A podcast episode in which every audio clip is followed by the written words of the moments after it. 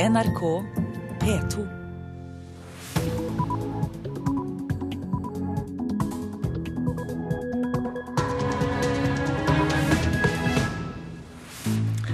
Høystein Heggen tar deg med inn i Nyhetsmorgen onsdag 26. mars. Dette er hovedsakene nå klokka 6.30. Det er flertall på Stortinget for å trekke oljefondet ut av kullaksjer, men kullobbyen er på plass i Oslo for å få politikerne til å ombestemme seg. What worries me that uh, responsible people and a responsible government, such as that you have here in Norway, would seek to divest itself of a fuel which is essential for the world's economic and social development. Milton Caitlin, direktør i The World Coal Association. Bistandskutt etter homolov i Uganda kan gi flere asylsøkere, mener Frp-politiker. 65 personer ble i går evakuert i nærheten av Halden sentrum etter at det gikk et jordras ved en boligblokk. Gratis kaffe kan bli borte på Statoils helikopterterminaler. Smålig eller viktig symbolkutt, spør vi.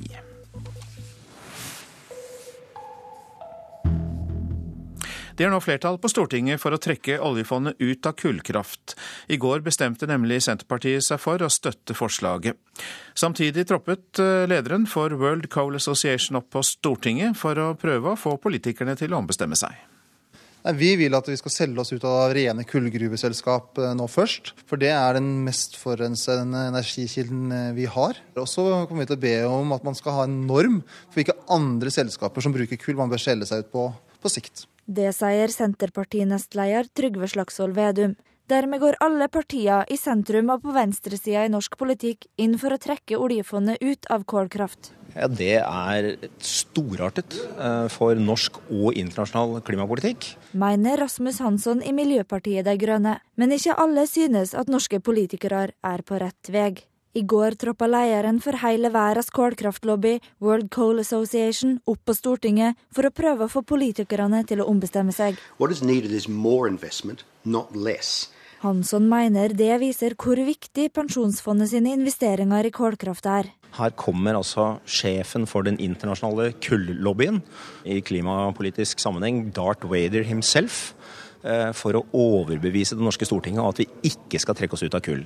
What worries me that uh, responsible people and a responsible government, such as that you have here in Norway, would seek to divest itself of a fuel which is essential for the world's economic and social development. For Mr. Milton Caitlin mener det ikke vil hjelpe klimaet om Norge setter foten ned. I stedet tror han det vil skade kålselskap som også arbeider med å løse klimaproblemet, bl.a. gjennom CO2-fangst. It doesn't mean the product will go away. Den endelige avgjørelsen kommer i løpet av veka, for først skal KrF og Venstre forhandle med regjeringspartiene. Så eh, er jo nå situasjonen den at vi er i samtaler med andre partier for å se hva vi kan bli enige om. Og da er vi også villige til å justere oss for å få til noe. Skal dere nå se hva dere får lov til? Nei, det er ikke noe som er spørsmål om hva vi får lov til. Vi eh, går inn i forhandlinger med det utgangspunktet at vi skal få et resultat. Og for å få et resultat så må man ha et flertall, og det er det viktigste. Er det ekstra vanskelig nå som dere også sitter og forhandler om eh, asylpolitikken? Nei, vi driver ikke og blander eh, de to sakene. Det gjør vi ikke. Begge partier har sagt offentlig at de vil selge seg ut av kullgruveselskap. Så hvis de setter klima foran samarbeidsklima, så er det ingen tvil hvor flertallet i Stortinget ligger. Senterpartiets eh, Trygve Slagsvold Vedum der, til reporter Ellen Wiseth. Det kan bli en økning av antall homofile asylsøkere fra Uganda, mener FrPs justispolitiske talsmann Jan Arild Ellingsen. Årsaken er at Norge kuttet i bistanden til Uganda etter at det ble innført livstidsstraff for homofile. Jeg tror det er naivt å ikke tro det, i hvert fall. Sier Jan Arild Ellingsen. Når vi nå kutter bistand til Uganda og gir en klar beskjed om at vi ikke aksepterer det som gjøres av myndighetene der, så vil jo jeg gå ut ifra at folk fra Uganda er ikke noe mindre smarte enn andre. Og hvis de ser at det åpner seg dør i en av verdens rikeste land til å søke asyl ved å bruke en, påstand, en mulig påstand om, eh, om, seksuell legning og homofili, så vil jo de kunne komme til å utnytte den muligheten. Så å ikke ta høyde for det, det er å være naiv, og det skal man ikke være. I fjor søkte drøyt 70 personer om asyl i Norge på grunnlag av seksuell legning. Nesten alle kom fra Afrika, og flest fra Uganda og Nigeria. Utlendingsdirektoratet avviser ikke muligheten for at det nå kan komme flere fra Uganda. Det er veldig vanskelig å si. Det er vanskelig å si hva som påvirker asylsøkere til å komme til Norge. Sier Tone Loge Tveter, som er fungerende avdelingsdirektør i asylavdelingen. Men det som er sikkert er at dersom loven blir praktisert strengt, så vil jo flere ha behov for beskyttelse, og da vil vel antakeligvis flere også komme til Norge, vil jeg tro. Ellingsen understreker altså at han støtter regjeringens bistandskutt. Nå vil han at saken tas opp i forhandlingene mellom regjeringspartiene, KrF og Venstre om asyl- og innvandringspolitikken. Hvis man ikke gjør det, så kommer jo det her til å være et nytt problem som dukker opp rett etter at avtalen er ferdigforhandla. I dag får asylsøkere fra Uganda som blir trodd på at de er homofile, opphold i Norge. Ellingsen vil foreløpig ikke mene noe om hvorvidt det bør strammes inn på homofiles mulighet til å få beskyttelse. Jeg kan ha mening om det, men, men, nå skal jeg være såpass ryddig at jeg skal la de eh, få lov å forhandle seg ferdig, legge fram resultatet, og da skal jeg si hva jeg syns om den avtalen som foreligger, ikke i dag. Situasjonen for homofile og mennesker som har byttet religion, er tema i de pågående forhandlingene, sier Kjell Ingolf Ropstad fra KrF. Han støtter også den norske reaksjonen. Det er riktig at Norge følger opp menneskerettighetene, viser til Uganda at dette er ikke akseptabelt. Og dersom det betyr at det er flere homofile og lesbiske i Uganda som ønsker da å søke asyl på bakgrunn av det lovverket som kommer i Uganda, så mener jeg det er en billig pris å betale for å stå opp for menneskerettighetene. Norge som et rikt land må ta imot mennesker på flukt, sier han. Og Det betyr jo at de forhandlingene som er på gang i Nydalen nå, må ta høyde for at lovverk lovverket skal innrettes på en måte som gjør at vi kan hjelpe mennesker, og uavhengig av situasjonen som er i Uganda nå. Reportere her Katrin Hellesnes og Siv Sandvik. USAs president Barack Obama ba i går Forsvaret om å forberede full tilbaketrekking fra Afghanistan innen utgangen av året. Grunnen er at Afghanistans president fortsatt nekter å undertegne avtalen om militært samarbeid etter 2014. President Obama skal i går ha fortalt sin afghanske kollega Hamid Karzai på telefon at han nå planlegger å trekke ut samtlige amerikanske soldater før nyttår. Men Afghanistans president fikk også beskjed om at USA ikke utelukker en avtale om militært nærvær etter 2014 dersom den nye administrasjonen i Kabul ønsker det. I april er det presidentvalg, og Karzai står ikke på gjenvalg. Den bilaterale avtalen om sikkerhetssamarbeid, forkortet BSA, var egentlig ferdigforhandlet i november. Den er godkjent av både det afghanske storrådet, Loya Jirgan, og av parlamentet. Men det er presidenten selv som har stukket kjepper i hjulene. Først med tilleggskrav, så med beskjed om at han ikke ville underskrive før valget. Det har vært spekulert mye om hvorfor, men det mest sannsynlige er at han har håpet på et gjennombrudd i hemmelige, direkte kontakter med Taliban for å få til en fredsavtale. Det virker nå ikke særlig realistisk. Amerikanske politikere har på sin side både lokket og truet uten hell. Selv om det er upopulært både i folket og blant folkevalgte å bruke penger på Afghanistan, så er det av flere grunner viktig for administrasjonen å ikke slippe kontrollen helt. For det første er Afghanistan svært viktig som base for dronene, eller de førerløse flyene som brukes mot terroristmål i nabolandet Pakistan. USA har i dag ingen dronebaser inne i Pakistan. For det andre skal det lite til før Al Qaida-lojale grupper med base i Pakistan tar kontroll over de sørlige og østlige delene av Afghanistan, og det var jo nettopp for å bekjempe Al Qaida at USA startet krigen i Afghanistan. USAs forsvarsdepartement mener det er behov for rundt 10 000 soldater der i årene framover for å løse oppgavene med å trene og bistå den afghanske hæren. Afghanistans forsvar er svakt, uten eget flyvåpen og helt avhengig av de fire milliarder dollarene som USA og andre Nato-land har lovet å bidra med hvert år fram til 2024. Uten sikkerhetsavtale blir også store deler av denne hjelpen kuttet. Gro Holm, Washington. Nå om kostnadskutt i Statoil, og ikke hvilke som helst kutt. Selskapet skal spare hele 8 milliarder kroner i året. Nå vurderer Statoil å kutte ut gratis kaffe ved helikopterterminalene, kunne Stavanger Aftenblad fortelle i går. De gratis kaffekoppene kostet i fjor selskapet mer enn 3 millioner kroner.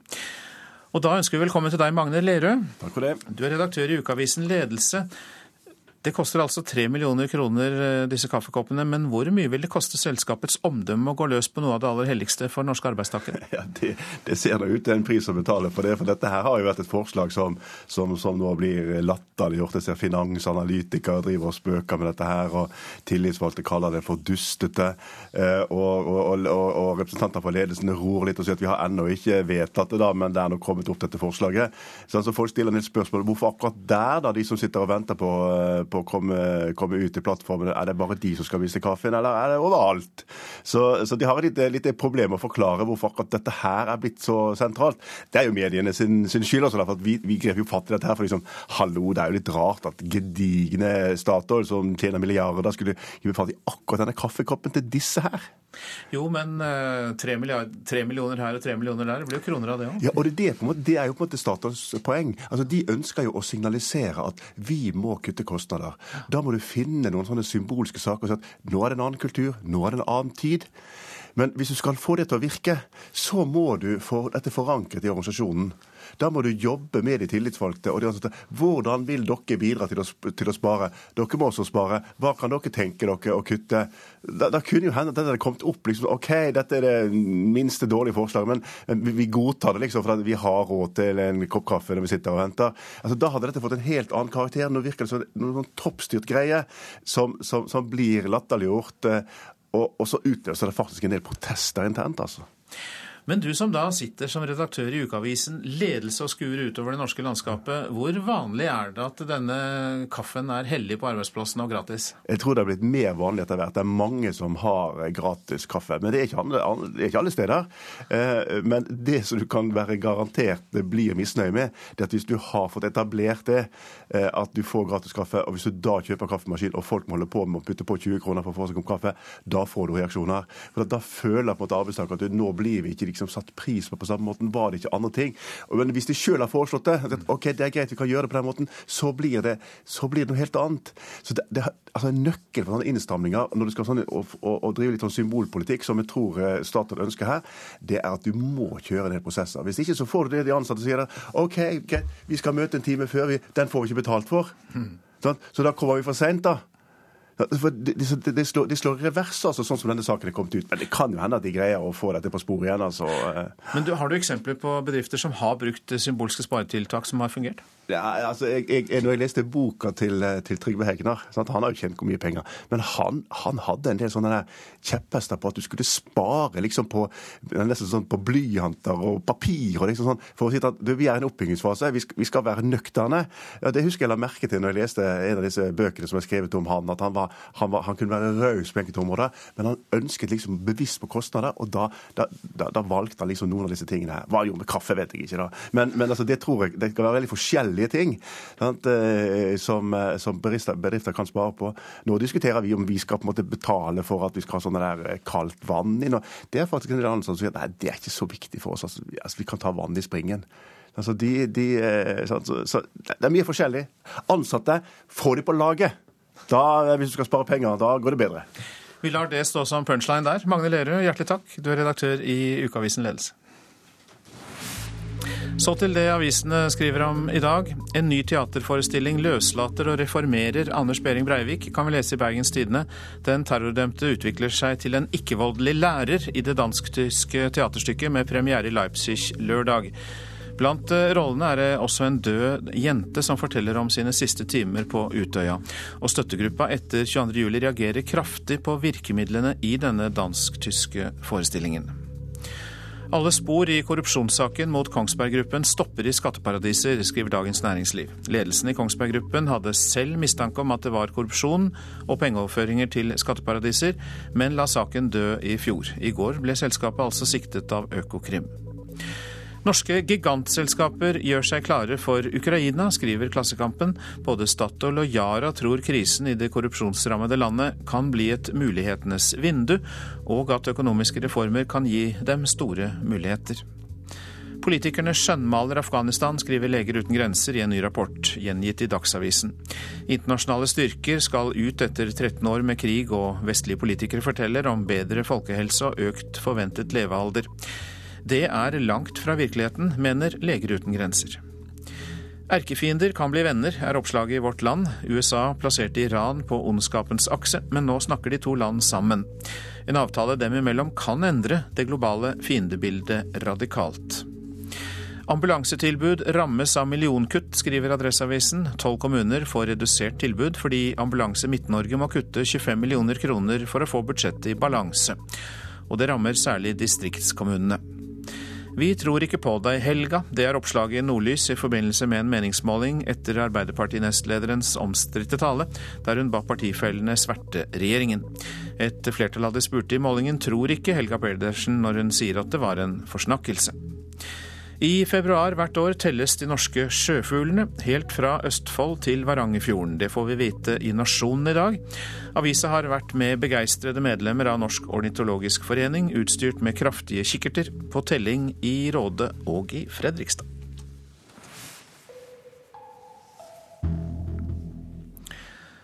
Roy Johansen har vært landslagstrener for det norske ishockeylandslaget i 14 år. I mai går kontrakten hans ut. Men nå er Johansen fristet til å fortsette, hvis Ishockeyforbundet vil ha ham. Jeg tenker, Trives jeg i jobben? Har jeg energi til å fortsette? Er det utfordringer i jobben? Og Hvis det er ja på de spørsmålene, om jeg da samtidig er ønsket, så er det klart jeg vil vurdere å, å fortsette. Det sier landslagstrener Roy Johansen. Han har vært i jobben siden 2001, og har tidligere uttalt at han gir seg etter OL. Nå utelukker han ikke en ny periode og det er laget som motiverer ham videre. Så lenge jeg føler at den entusiasmen, det engasjementet eh, er der hos spillerne, så, så, gir det meg energi til å fortsette. Nå er vi i en situasjon at vi skal velge det som er best for landslaget og best for norsk hockey. Og om det er å eh, engasjere Roy videre eller å finne noe nytt, det må vi, det er en prosess vi driver med nå. Det sier Bjørn Mathisrud, som er sportslig ansvarlig i Ishockeyforbundets styre. Han forteller at det er flere kandidater, i tillegg til Johansen, som må vurderes. Vi er eh, veldig fornøyd med Roy, som sagt. og Det er ingenting vi er eh, imot eh, ved å re reengasjere Roy. Én grunn det er, kan være tiden. Han har, han har, vært her i mange år. Så om det er interessant å, å se etter noen nye løsninger og nye uh, trenere, det, det må vi få lov å bruke litt tid på. Og det innslaget var laget av Emilie Hall Torp. Klokka har passert 6.47. Dette er hovedsaker i Nyhetsmorgen. Det er flertall på Stortinget for å trekke oljefondet ut av kullaksjer, men kullobbyen er på plass i Oslo for å få politikerne til å ombestemme seg. Det kan bli en økning av antall homofile asylsøkere fra Uganda, mener FrPs justispolitiske talsmann Jan Arild Ellingsen. Årsaken er Norges kutt i bistanden pga. livstidsstraff for homofile i Uganda. USAs president Barack Obama forbereder full tilbaketrekking fra Afghanistan innen utgangen av året. Grunnen er at Afghanistans president fortsatt nekter å undertegne avtale om militært samarbeid.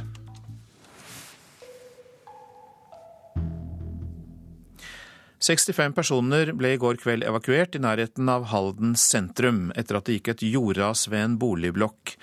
Reporter Peter Nielsson, du er på stedet, og hvordan er situasjonen nå? Akkurat nå er det veldig stille her. Det er eh, Ettersom eh, det første lyset kommer nå i morgentimene, så ser det mer og mer dramatisk ut eh, for oss som kom mens det var mørkt. Bak tujabusken som skjermer for eh, parkeringsplassen, så går det plutselig et eh, søkk og en sprekk her i skråningen som går skråner inn mot hjørnet av en eh, boligblokk hvor 65 mennesker bor. Plassen rundt her er sperret av av politiet, og det sitter to litt trøtte politimenn der borte og passer på. Men hva mer er det som skal skje her i dag, ordfører Tor Edquist? Det skal bli foretatt mer geologiske undersøkelser av området rundt bygget. Så vi, ikke, vi, vet ikke noe mer før vi har fått svarene på det, på det.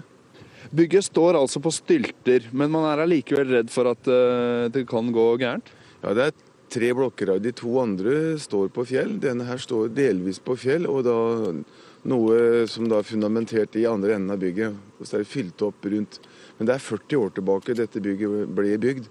Så akkurat hvordan hvordan det ser ut under og rundt, det, det får vi nok ikke svar på før vi har disse, foretatt disse geologiske undersøkelsene. Det har tidligere vært foretatt noen geologiske undersøkelser av leira i, i, oppover langs bekken som ligger her. Har man ikke sjekket det området her hvor boligene ligger? Det kan ikke jeg uttale meg om nå, hva som har blitt uh, undersøkt. For det er i så fall uh, Jeg vet det ble foretatt en, en, undersøkelse i 2011, men om dette området var med, det, det, det vet ikke jeg nå klokka halv sju på morgenen. har dere kunnet si noe til innbyggerne om når de kan forvente å flytte inn igjen? Nei, det må vi avvente de, de geologiske undersøkelsene, som sagt. Så vi, det er først da vi kan få svar på hvor alvorlig dette er. Det kommer altså mer herfra med lyset og undersøkelser i løpet av dagen. Takk skal du ha, reporter Peter Nilsson, som altså hadde med seg ordfører i Halden, Tor eh, Enquist. Sykepleierstudiet er ikke tilpasset behovet, nå må myndighetene våkne, mener lederen for sykepleierutdanningen i Bodø, Bodil Svensgaard. Tall fra Statistisk sentralbyrå viser at Norge kan komme til å mangle nærmere 30 000 sykepleiere i 2030. Sykepleierutdanningene i Norge har jo bedt om å få en ny rammeplan som, som styrer utdanninga vår. Den er laga før Samhandlingsreformen og er ikke oppdatert. Og Vi kan derfor ikke øke utdanningskapasiteten for at vi mangler praksisplasser. Nordmenn blir stadig eldre, og flere enn før trenger hjelp.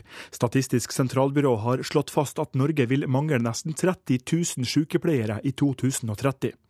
Samhandlingsreformen, som trådte i kraft for to år siden, har gitt kommunene større ansvar for omsorgen av eldre og syke. Men ifølge Svensgaard er ikke utdanningsplanen for sykepleierstudiet oppdatert siden 2008. Den legger for stor vekt på at studentene skal i praksis på sykehus, hvor det er for få praksisplasser. Jeg vet at sykepleierutdanningene i Norge gjerne skulle ha økt utdanningskapasiteten, tatt eh, kommunene enda mer i bruk.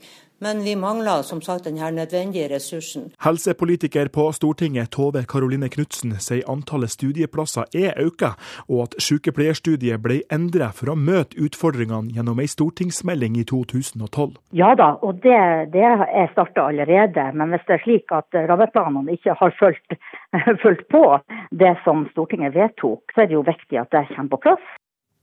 Reporter her, det var Gisle Forland. Rekordmange band og artister opptrer på norsk under Bylarmfestivalen i Oslo, og hiphopen får æren for at flere artister bruker morsmålet. Og um, artisten Admiral P, han mener at enda flere bør uh, synge på norsk.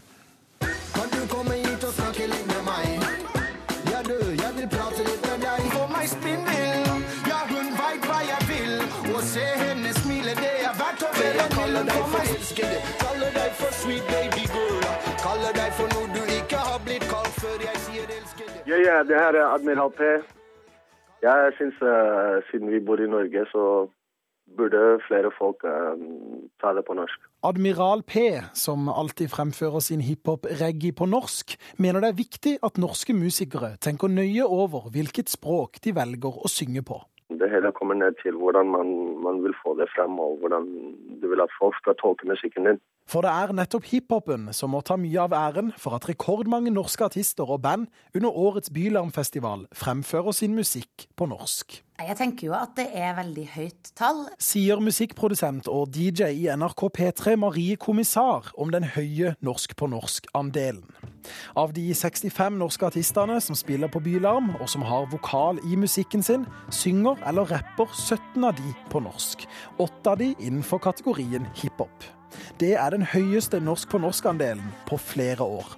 Til sammenligning var det i 2007 tre som brukte norsk. Alle tre var rappere. Eh, vi må jo se på at eh, de største norske bandene synger jo alle på norsk. Så det er jo kanskje ikke så rart at den utviklinga er i ferd med å på en måte, at det drypper ned på, på, uetablerte artister også. At det kan være lurt å synge på norsk. Kommissar tror vi vil få se enda mer norsk på norsk fremover. Først så handler det jo om at det er språket vårt. Og så tror jeg nok også at det handler om at det her er jo Det her vi skal lage musikk. Det her de skal selge musikken sin og opptre med musikken sin. Og det er kanskje lettere å nå igjennom. Men vil man satse utenfor landets grenser, kan det være lurt å bruke engelsk, forteller kommissar. Og det har han her valgt å gjøre.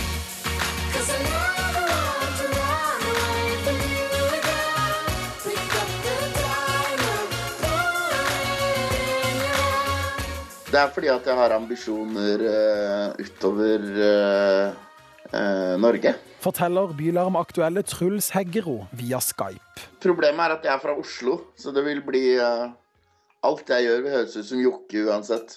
Admiral P brukte engelsk tidligere, men da han endret til norsk, nådde han mye bredere ut, forteller han. Det har hjulpet meg veldig. Jeg har kommet fram til uh, veldig mye flere mennesker enn det jeg hadde gjort hvis jeg bare sang på engelsk. Kaller deg for dronning, Mrs. Rock, my world, jeg sier elsker det. Mer om dette på Kulturnytt etter klokka åtte. Reporter her var Christian eh, Ingebretsen. Regissør Anne Sevitsky gjorde stor suksess med sine to første filmer, 'Sykt lykkelig' og filmen 'Jørgen pluss Anne er sant'. De ga henne en internasjonal filmpris og kritikerros, og nå er hun i gang med innspillingen av sin tredje film, 'Hjemlengsel'. Det var takk. Takk for det. Inne i en av Bordarakademiets gamle og nå forlatte dansesaler sitter regissør Anne Sewitsky foran en monitor. Først noen av de andre bildene. Nei, men, nei, men det går an å bare gi dem ut, som dere holdt på. Hun er omkranset av teknikere, kameramenn, ledninger, kasser og utstyr. Det er helt stille. Vi befinner oss nemlig midt i innspillingen av Sevitskis nye film, 'Hjemlengsel', som skal ha premiere i høst. Takk. Det er, eh, handler om eh, Charlotte, da, som, eh, som er hovedkarakteren. Da, som oppdager da, at hun har en bror som hun ikke visste om. Og de møtes da for første gang, og da på en måte fylles på et, eller annet savn. da. Og så er det et oppgjør med en fortid og med en mor og med og det å tilgi og det å kunne gå litt videre i livet, da. Det er alt Sevitsky vil si om handlingen i sin tredje spillefilm. Hennes filmdebut 'Sykt lykkelig' ble første norske film som vant pris under Sundance-festivalen i USA. Mens film nummer to, 'Anne pluss Jørgen er lik sant', ble kritikerrost av anmelderne. Og det gjør jo noe med selvtilliten i forhold til hva man går i gang med av neste prosjekter. At uh, noen ting fungerer, og at folk liker det man gjør. Uh, sånn at uh, det har jo på en måte ja, gitt, gitt en selvtillit til å gå videre. Etter film nummer to ble prisdryss byttet ut med bleieskift og mammapermisjon. Men nå er film nummer tre i gang, og Wasewitsky bekrefter at prestasjonsangsten er til stede. det, det, får man jo alltid. Men, eh, men man må jo bare kjøre på. Skal vi være stille Ettersom Sevitskis to første filmer fikk internasjonal oppmerksomhet, er dette også en ambisjon for hjemlengsel. Først og fremst må jo filmen bli bra, og bli klipt bra, og det må fungere. Og så håper man jo at det er bra nok til at den kan gå ut både her og der. Mm. Sevitsky tror en blanding av humor og alvor kan trekke mange til kinosalen. Det er et drama som berører, og, og som det er mye gjenkjennbart i. Og det tror man kanskje håper forhåpentligvis ler og gråter litt. En litt voksnere film fra deg, eller? Ja, det er et tyngre drama, kan man vel kanskje si. Ja, det vil jeg si. Reporter her, det var Åsta Hoem Hagen. Så var det værvarselet. Fjellet i Sør-Norge først. Liten kuling utsatte steder. I nord stiv kuling. Perioder med snø. Stort sett oppholdsvær i nord. Østlandet får regn, snø i indre og høyereliggende områder. Lettere vær i kveld. Telemark og Agder regn, snø i høyereliggende strøk. Avtagende nedbør fra i ettermiddag. Vestlandet sør for Stad. Sørøst liten kuling utsatte steder. Stiv kuling på kysten nord for Obrestad. Regnbyger, snøbyger i høyereliggende strøk. Møre og Romsdal utrygt for enkelte regnbyger på kysten. Ellers oppholdsvær, til dels pent vær. Trøndelag sørøst liten kuling på kysten og utsatte steder. Minkende etter kvelden. I grensetrakten utrygt for enkelte regnbyger. Snøbyger i høyereliggende strøk. Ellers stort sett pent vær i Trøndelag. Nordland sørøstlig periodevis stiv kuling utsatte steder, stort sett opphold og perioder med sol. Troms stiv kuling øst for Lyngsalpan, oppholdsvær og perioder med sol. Finnmark vestlig liten kuling utsatte steder. I kveld sørøstlig stiv kuling utsatte steder i vest og oppholdsvær. Nordensjøland på Spitsbergen, der blir det fra i ettermiddag perioder med liten kuling. Det blir litt snø der, vesentlig da i vestlige områder. Temperaturer klokka fire. Svalbard lufthavn minus fem, og resten er plussgrader. Kirkenes én, Vardø tre, Alta to, Tromsø én, Bodø fem, Brønnøysund seks, Trondheim også seks, Molde ni, Bergen åtte, Stavanger sju, Kristiansand fire, Gardermoen én, Lillehammer to, Røros én, og Oslo-Blindern hadde to grader klokka fire i natt.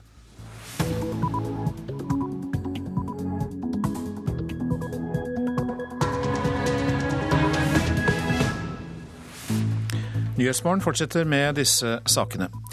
Vurder å kutte i støtten til alle land som forbyr homoseksualitet, krever Fremskrittspartiet. Hvordan er de homofiles status i Afrika? Vi spør Amnesty. Barneministeren vil gi frustrerte fosterforeldre mulighet til mekling når de er i konflikt med barnevernstjenesten. Ukraina blir tema på forsvarsministermøtet i Nato. Og for noen av oss er stemmen et viktig virkemiddel. Vi skal bli med på stemmebrukkurs for lærere. De passer ikke godt nok på stemmen sin, mener stemmepedagog.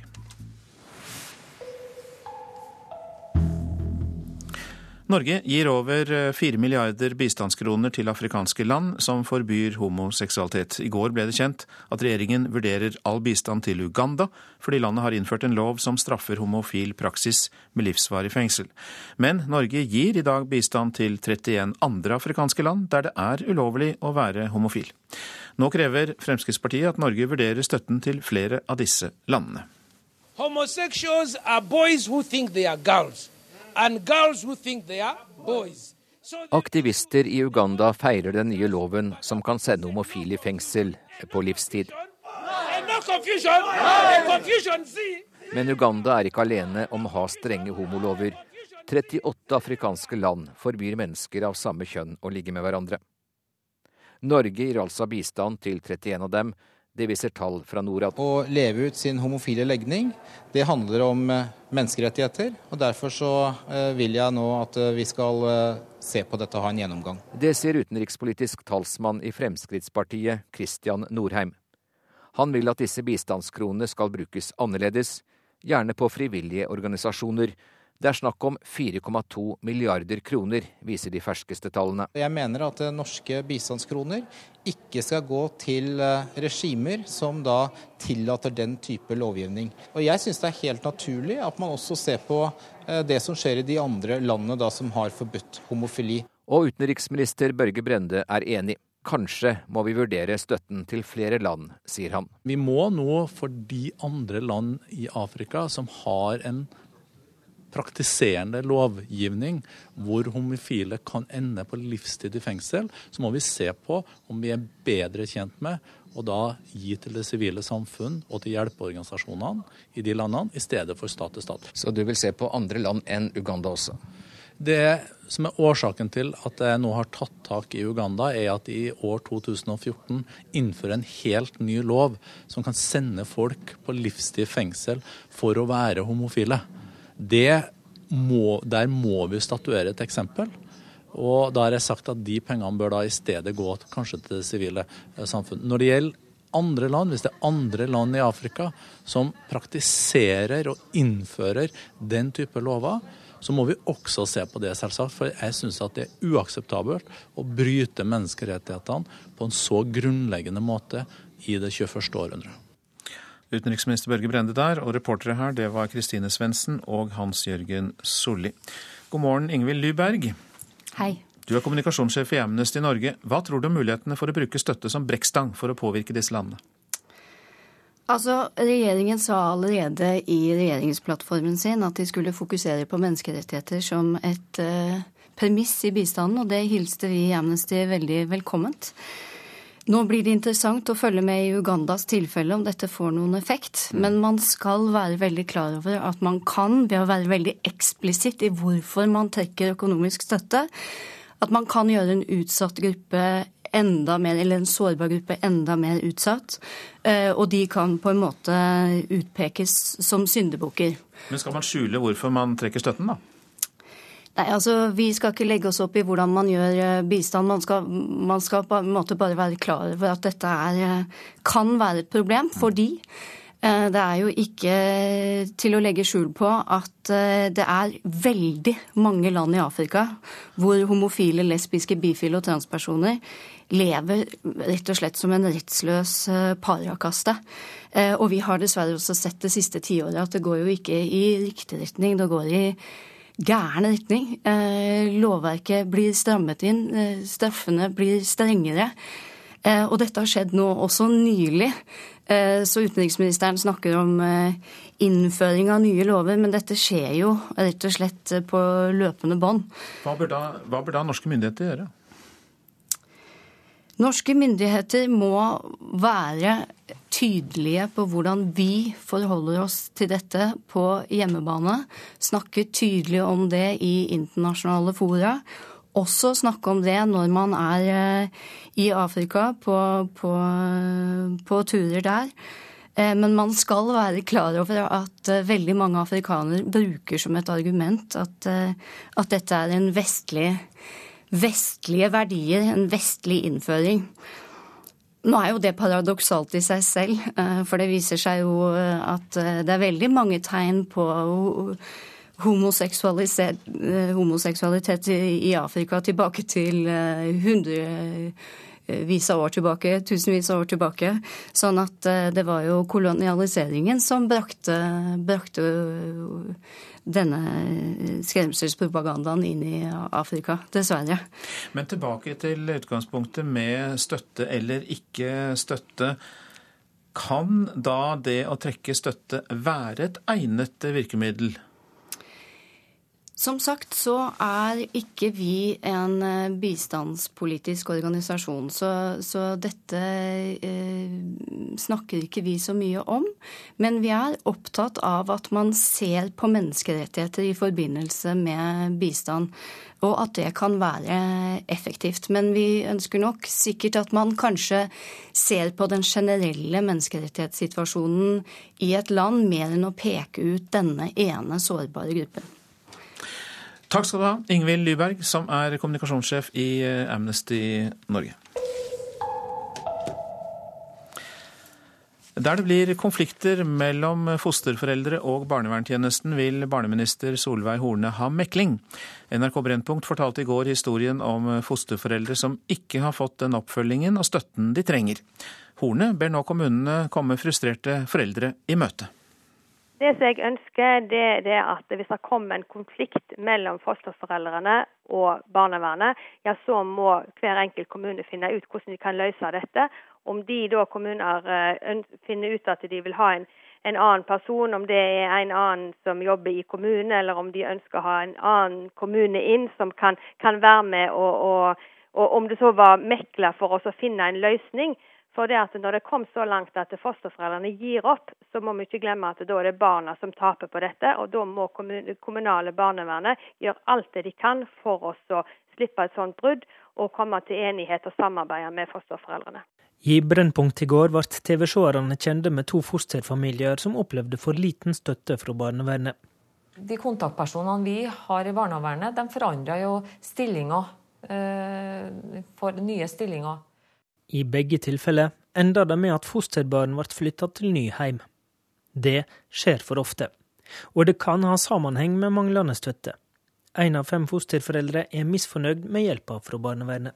Det er veldig Mye av konfliktene mellom fosterforeldrene og det kommunale barnevernet kan også gå på personkjemi mellom saksbehandler og Da kan det være en løsning å skifte saksbehandler, slik at du kommer til en enighet, og at foreldrene da føler at de får en bedre oppfølging enn det de har hatt før. Venstre mener det er bra med mekling mellom fosterforeldre og barnevern i konfliktsakene. Grunnen til å gi Solveig Horne honnør for at hun tar tak i den delen av problemet, men, men det er tross alt eh, å behandle symptom og ikke gjøre noe med årsakene. Derfor ber nestleder Terje Breivik om en total gjennomgang av fosterhjemsordninga ber regjeringen om å igangsette ei brei utgreiing av fosterhjemsomsorgen. For fosterheimer er det viktigste enkelttiltaket vi har for de, for de barna som er i en situasjon hvor det offentlige må overta omsorgen.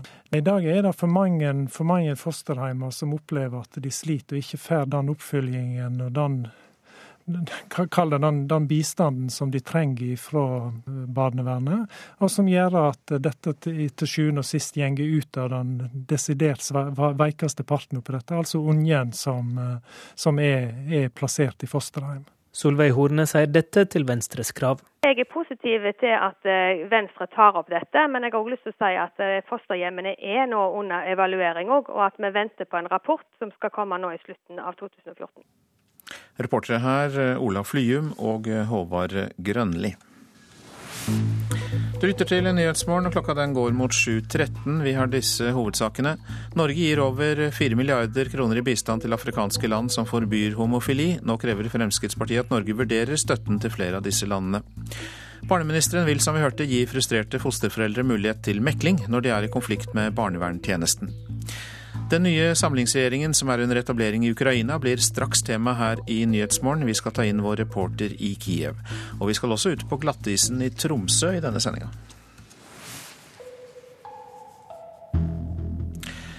Ja, for i Ukraina så venter folk på den nye samlingsregjeringen. Den skal være klar i morgen. Den midlertidige presidenten i landet sier at det må være en regjering med nasjonal overbevisning.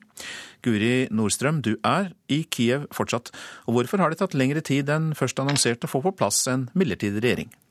Dette henger sammen med at her er det veldig mange som skal bli enige på kort tid. Så dette går ikke, det er ikke mulig å få til noe hastverksarbeid innenfor dette. Det er tre hovedpartier som i utgangspunktet har lite politisk til felles, som skal forhandle sammen. Og ikke bare det, men de skal også bli enige med ulike borgerrettsgrupper som har sine interesser. I tillegg så har eh, lederen for Fedrelandspartiet, som er et av de store partiene her, sagt at eh, de er nødt til å presentere dette forslaget til regjeringen for eh, demonstrantene på Maidan. For som han sier, det er først når de godtar denne regjeringen at denne regjeringen kan begynne å jobbe. Eh, det som også da kan være en felle, er jo at eh, det ukrainske folket er jo ikke bare de som har demonstrert på Maidan. Det er jo også veldig, veldig mange andre som ikke sympatiserer med de demonstrantene også. Ifølge Russlands utenriksminister så er det fortsatt demonstranter i Ukraina som nekter å legge ned eh, våpnene. Er det fortsatt bevæpnede demonstranter på Maidanplassen? Det vi ser når vi går rundt her, er at det er eh, enkelte demonstranter som går med batonger, eh, skjold og hjelmer. Eh, så at det er eh, også aggressive grupper, er det ikke noen tvil om. Fortsatt okkupasjon av bygninger også?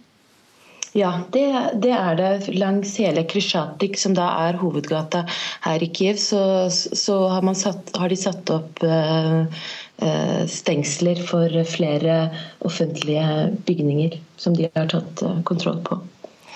Etter det som har skjedd, så er det vel store forventninger i det ukrainske folket. Kan du si litt om de inntrykkene du får om det? Ja, altså de, Mitt inntrykk er at folk er forsiktige optimister. De har jo vært uh, vitne til litt av en utvikling uh, denne uka. Altså det er bare en snau uke siden rundt 100 demonstranter ble drept på uh, Maidan, og, så, og 2000 såret. Og så har da plutselig presidenten forlatt forlatt sin stilling, så det har vært utrolig mye som har skjedd der. Men de er forsiktige optimister. Og selv om f.eks. at man ikke har fått til noen samlingsregjering ennå, det, det, hadde vel vært utrolig om de hadde klart det på så kort tid, så, så betyr ikke det at politikerne har vært helt handlingslammede heller. I parlamentet så har de klart å bli enige om om enkelte ting, som f.eks. at det skal være både borgermestervalg her i Kiev og presidentvalg 25. mai, og at eh, den tidligere presidenten skal stilles for den internasjonale straffedomstolen. Så helt uh, maktvakuum og helt handlingslammede, det er de ikke. Takk skal du ha, Guri Nordstrøm. Du følger situasjonen i Ukraina fra Kiev, der du er utsendt fra NRK. Så skal jeg si litt om det avisene har på dagsorden i dag.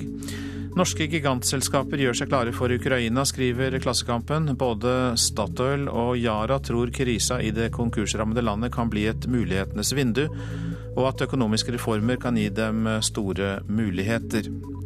Alle spor i korrupsjonssaken mot Kongsberg Gruppen stopper i skatteparadiser, skriver Dagens Næringsliv. Ledelsen i Kongsberg Gruppen har selv mistanke om at det var korrupsjon og pengeoverføringer til skatteparadiser, men la saken dø i fjor. I går ble selskapet siktet av Økokrim. Politikerne skjønnmaler Afghanistan, skriver Leger uten grenser i en ny rapport gjengitt i Dagsavisen. Internasjonale styrker skal ut etter 13 år med krig, og vestlige politikere forteller om bedre folkehelse og økt forventet levealder. Det er langt fra virkeligheten, mener Leger uten grenser. Erkefiender kan bli venner, er oppslaget i Vårt Land. USA plasserte Iran på ondskapens akse, men nå snakker de to land sammen. En avtale dem imellom kan endre det globale fiendebildet radikalt. Ambulansetilbud rammes av eh, millionkutt, skriver Adresseavisen. Tolv kommuner får redusert tilbud fordi Ambulanse Midt-Norge må kutte 25 millioner kroner for å få budsjettet i balanse. Og de eh, rammer da særlig distriktskommunene. Vi tror ikke på deg, Helga. Det er oppslaget i Nordlys i forbindelse med en meningsmåling etter Arbeiderpartinestlederens omstridte tale, der hun ba partifellene sverte regjeringen. Et flertall av de spurte i målingen tror ikke Helga Pedersen når hun sier at det var en forsnakkelse.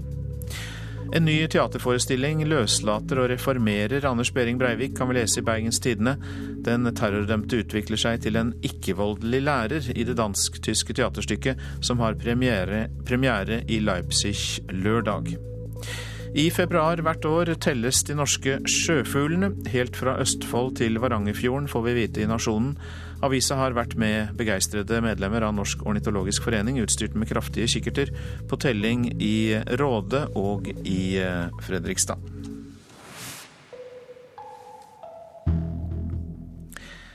Vi skal tilbake til situasjonen i Ukraina, men eh, sett fra Brussel, for landet står på dagsorden når forsvarsministrene i Nato møtes der de neste to dagene. Nato har fulgt nøye med på utviklingen i eh, Ukraina. Brussel-korrespondent Åse Marit Befring, eh, hva blir viktig for Nato å diskutere nå? Ja, I Nato så ønsker de å få et så godt eh, overblikk som mulig over situasjonen. Nato har tett dialog med russerne. De ønsker også tett dialog eh, med Ukraina. Og det var Ukrainas viseforsvarsminister, eller den sittende regjeringen, som eh, eh, tok kontakt med Nato. Viseforsvarsministeren kommer hit eh, for å orientere om situasjonen. Dette var et møte som kom i stand så sent som for et par dager siden. Men det at Nato nå har ryddet plass, det betyr at de mener at dette her er veldig viktig. Det betyr likevel ikke at det er aktuelt med noen militær innblanding fra Natos side. Dette er en sak som løse, må løses politisk, mener de. Hvordan er Natos samarbeid med Ukraina? Ukraina er jo ikke med i Nato, eh, og det er heller ingen planer om at landet noen gang skal bli det. Men Nato har en partnerskapsavtale med Ukraina, som de også har med rundt 40 andre land, blant bl.a. et annet av landene som grenser mot Russland, nemlig Finland. Eh, dette betyr at Ukraina er med på ulike militære operasjoner eh, både i Afghanistan, på fregatter utenfor Somalias kyst. Eh, og så har de også vært i Kosovo, så Ukraina har vært veldig aktiv. Men nå er det Ukraina selv som er tema, når viseforsvarsminister Aleksandr Olinik kommer hit til Nato. Det forteller Nato-ambassadør Vegard Ellefsen. Eh, det er klart at ut fra den dramatiske situasjonen som har vært i Ukraina, og at de har bedt om et møte med, med Nato, så går jeg ut fra at de vil redegjøre for hva myndighetene der nå vil gjøre i tiden fremover. Og høre hva, hvilke meldinger de får fra Nato-allierte om den situasjonen. Uoversiktlig, kaotisk, usikkert, dramatisk. Adjektivene er mange for å beskrive tilstanden i det østeuropeiske landet. For bare noen dager siden var ikke Ukraina et tema på Nato-møtet, men nå har forsvarsalliansen ryddet plass til han som er den øverste sjefen for forsvarsdepartementet i Ukraina per i dag. Nato vil ikke blande seg inn militært, og ønsker heller ikke et splittet Ukraina. Vi respekterer Ukrainas territorielle integritet sånn som det er nå. Og vi går ut fra at det er også opplegget videre. Også russerne har sagt at de ikke vil intervenere militært, og selv om Nato har en partnerskapsavtale med Ukraina, er det å beholde et godt forhold til Russland enda viktigere. Ja, Det er viktig nå, og det har vært viktig hele tiden, å ha et tett samarbeid med Russland. Og Vi er glad for at det samarbeidet fungerer godt på det praktiske området, og vi ønsker å fortsette med det. Ja, her burde jeg vel kremtet litt ekstra, for eh, vi skal snakke om stemmen, vår signatur. Vi bør ta bedre vare på den, mener stemmepedagog. Lærerne er den yrkesgruppen med flest stemmeproblemer, og vi har vært med dem på kurs i stemmebruk. Så hvordan i all verden kan vi få til en stemmebruk som er god for deg sjøl og god for de som skal høre på? Det er det vi skal prøve å, å finne ut av i dag. Et auditorium er fylt til randen ved Griegakademiet i Bergen. Av lærere. For de har et yrke der stemmen er avgjørende i jobben. Universitetslektor Magni Stoveland har i dag invitert dem til foredraget 'Stemmebruk for lærere'. Lærere har bruk for, for en gunstig stemmebruk. For hun mener det er et stort problem at så mange sliter med stemmen sin i dag. Ja, det er et stort problem. Jeg tror at de fleste som er ute i lærerrommet kjenner til kortere eller lengre perioder med, med, med heshet. Eh, Lærere finner at stemmeleiet ser bra. Hvor mye tar det på å skulle stå og snakke til store forsamlinga? Ja, det tar vel på i grunnen. Gjør det. Ja. Så er det opp og ned. Somme dager er gode, somme dager er mindre gode. Ja. Sånn bråk som dette her er veldig vanskelig. Ja, veldig vanskelig. Hvorfor det? Jeg vet ikke om anstrenger meg sånn. Jeg kommer ikke over det. Jeg kommer ikke opp. Jeg har nå gått over til full undervisningsstilling. Og er er veldig engasjert person. Og er veldig ivrig og prater masse fort. Så jeg skal prøve å lære å bruke stemmen enda bedre, så jeg når bedre fram til, enda bedre fram til elevene mine. Og at det skal være roligere og bedre for meg sjøl. Det er vanskelig å få full oversikt over hvilke yrkesgrupper som har stemmeproblemer, eller hvor mange som faktisk sliter med dette. Men en opptelling Statped har gjort, kan gi oss en indikasjon. Det forteller seniorrådgiver og logoped ved Statped Vest, Tom Karlsen. Ca. en tre femtedeler av det materialet som ble talt opp innenfor Statped, altså Statped Vest og Statped Sør-Øst, utgjorde disse funksjonelle eh, vanskene. Og da er det jo ikke noe feil med, metallapparatet. Det er, ikke noe, det noe knuter eller noe sånt. Det er rett og slett muskelbruk. Hvordan man bruker muskulaturen når man produserer stemmelyden, som eh, enten blir feilbelasta, eh, eller at det er et, rett og slett et stemmemisbruk også. Karlsen har stemmen som spisskompetanse, og sier stemmetretthet hos lærere ofte går igjen. Lærere er jo det som vi kaller for et fonisk yrke. De, de lever av å bruke stemmen sin. Disse eh, yrkesgruppene er jo da mer utsatt for stemmevansker enn de som er ikke-foniske. Hvor gale er det jo egentlig å ha litt problemer med stemmen? Er det faktisk så alvorlig? Det kan være i, i verste fall invalidiserende. De som jeg har møtt med, med stemmevansker og, og jobba med, det er jo det at dette, de kan, de kan, føle seg isolert. De trekker seg tilbake. De fungerer ikke. De, verken jobb sosialt eller, eller inn i familien. Og så I stedet for da å, å få til å få klang på stemmen, så tar vi litt grann styrke på.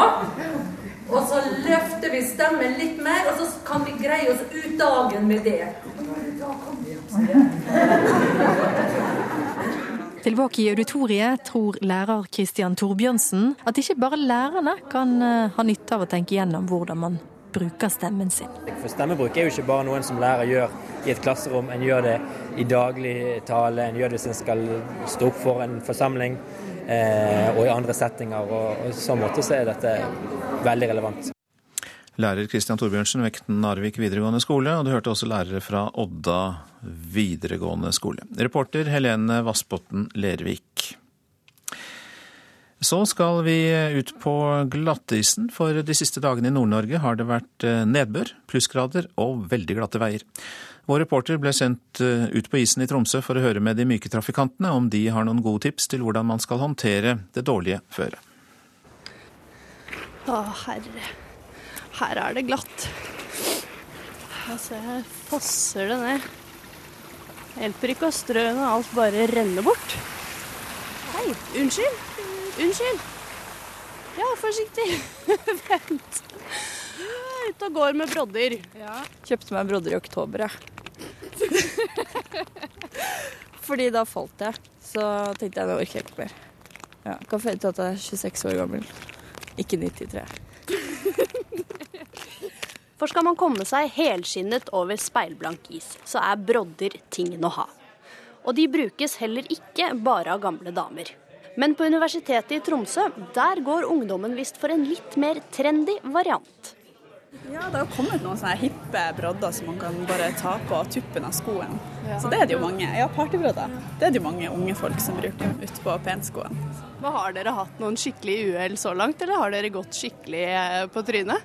Jeg har gått på trynet, ja. Da, da sklei jeg fremover. Fikk jeg noen blåmerker. Skulle du kanskje hatt brodder, da? Da skulle jeg kanskje hatt brodder. Brodder eller ei, glatt er det, og mange faller og slår seg. Jeg dro innom legevakta i Tromsø for å høre om de har hatt mye besøk de siste dagene.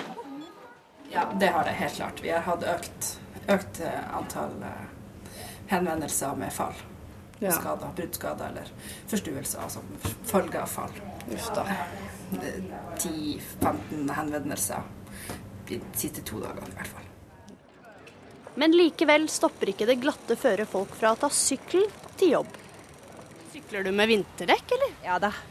Gode vinterdekk, så er det tryggere å sykle med vinterdekk enn å gå på isen, faktisk. Skulle ha begynt med det for lenge siden, hadde jeg visst hvor greit det er. Det er bare å ta det etter forholdene. Akkurat som å kjøre bil på vinteren. Så går det bra. Ja. På en bensinstasjon i sentrum forteller Daniel Twistmaker at mange har vært innom for å kjøpe strø de siste dagene. Vi selger jo mye grus. Eh, Pga. at det er jo mange folk som er redd for å bl.a. skade seg. Eh, og vil gjerne ha den sikre sida med å, å, være betryggende når de skal gå ut døra. Så eh, det går en del ut av det. Men det er jo, det er jo en fin ting at vi kan være behjelpelige for, for menneskene når de trenger, trenger det beste, beste hjelpa. Og veiene er blitt strødd ganske godt siden mildværet kom. Men egen eiendom må folk strø selv. Det er en risikosport å gå utfor døren hos meg. Hvorfor det? Nei, for jeg har ikke strødd, og ja. Det er glatt. Nei, jeg har to hunder, så jeg strør ikke. Nei, jeg bruker å hakke sånn at isen blir veldig sånn her opphakka, og da er det greit. Ja. Hva gjør du, hva bruker du? Vi bruker sand. Eller grus, heter det vel. Så jeg har en traktor som kjører opp og strør her oppkjørselen. Og... Mm. Så deilig, da. Ja, helt. sånn er det å bo på landet. Og det var Kaja Staude Michaelsen som tok oss med ut på isen i Tromsø. Du lytter til Nyhetsmorgen. I Tyrkia pågår det en knallhard politisk maktkamp der uvanlige virkemidler blir tatt i bruk. Valgkampen er i full gang foran lokale valg i slutten av mars, og de siste dagene har temperaturen i det politiske ordskiftet steget kraftig.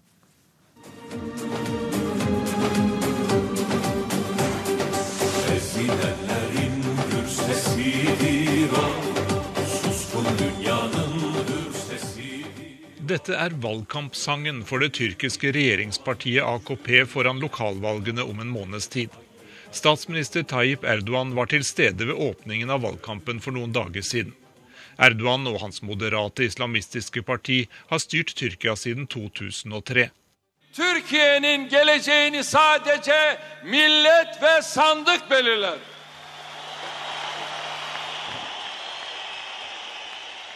Erdogan er fortsatt i stand til å samle kjempestore menneskemengder til sine politiske arrangementer. De siste årene har han gått mer bort fra det tradisjonelt sterke skillet mellom religionen og den sekulære staten.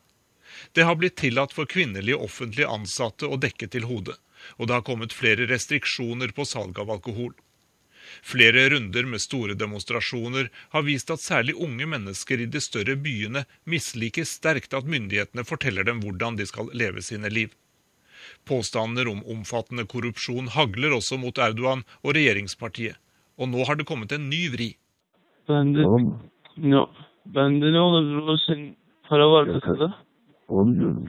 På sosiale medier er dette den store hiten for øyeblikket. Det blir påstått at dette skal være et opptak av en telefonsamtale der statsminister Erdogan snakker med sin sønn Bilal. Det blir ikke sagt hvor opptaket kommer fra, og kvaliteten er så dårlig at det er umulig å si om det er ekte eller en forfalskning. Det er bare én ting som er sikkert. Opptaket har skapt mye oppstyr. Stemmen som skal tilhøre statsministeren, sier at sønnen må fjerne pengene han har hjemme, og fordele dem blant flere forretningsfolk. Stemmen som skal tilhøre sønnen, sier at han fortsatt har 30 millioner euro, eller om lag 250 millioner kroner, som han må bli kvitt. Erdogan selv sier at opptakene er falske. Dün akşam saatlerinde kendi kurguladıkları dublajını da kendilerinin yaptığı bir piyesi servis ettiler. Disse opptakene er en skammelig montasje, sier den tyrkiske statsministeren. Han mener at hans og sønnens stemme har blitt klippet og så satt sammen. Men det har ikke vært nok til å stanse rykteflommen. På internett er det en rekke lekkasjer som skal vise at ledere i Tyrkia tar imot bestikkelser. Den politiske opposisjonen har også kastet seg på.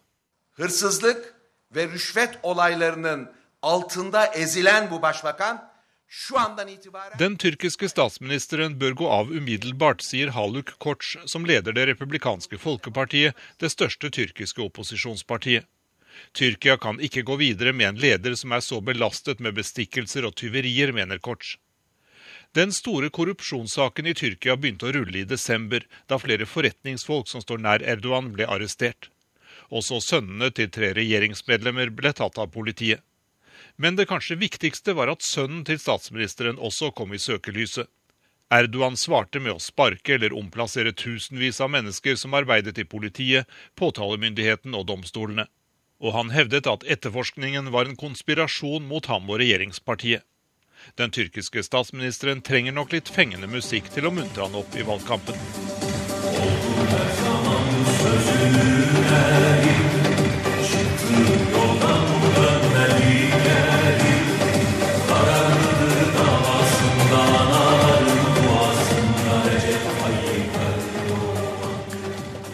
Var eh, Jan Espen Kruse som hadde laget eh, denne reportasjen. Dette er eh, hovedsaker i Nyhetsmorgen. Norge gir milliarder til over 30 afrikanske land der det er ulovlig å være homofil. Det er flertall på Stortinget for å trekke oljefondet ut av kullkraftselskaper.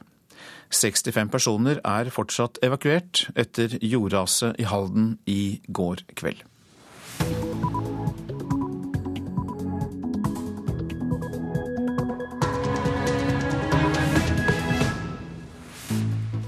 Dette er Nyhetsmorgen klokka 8.30.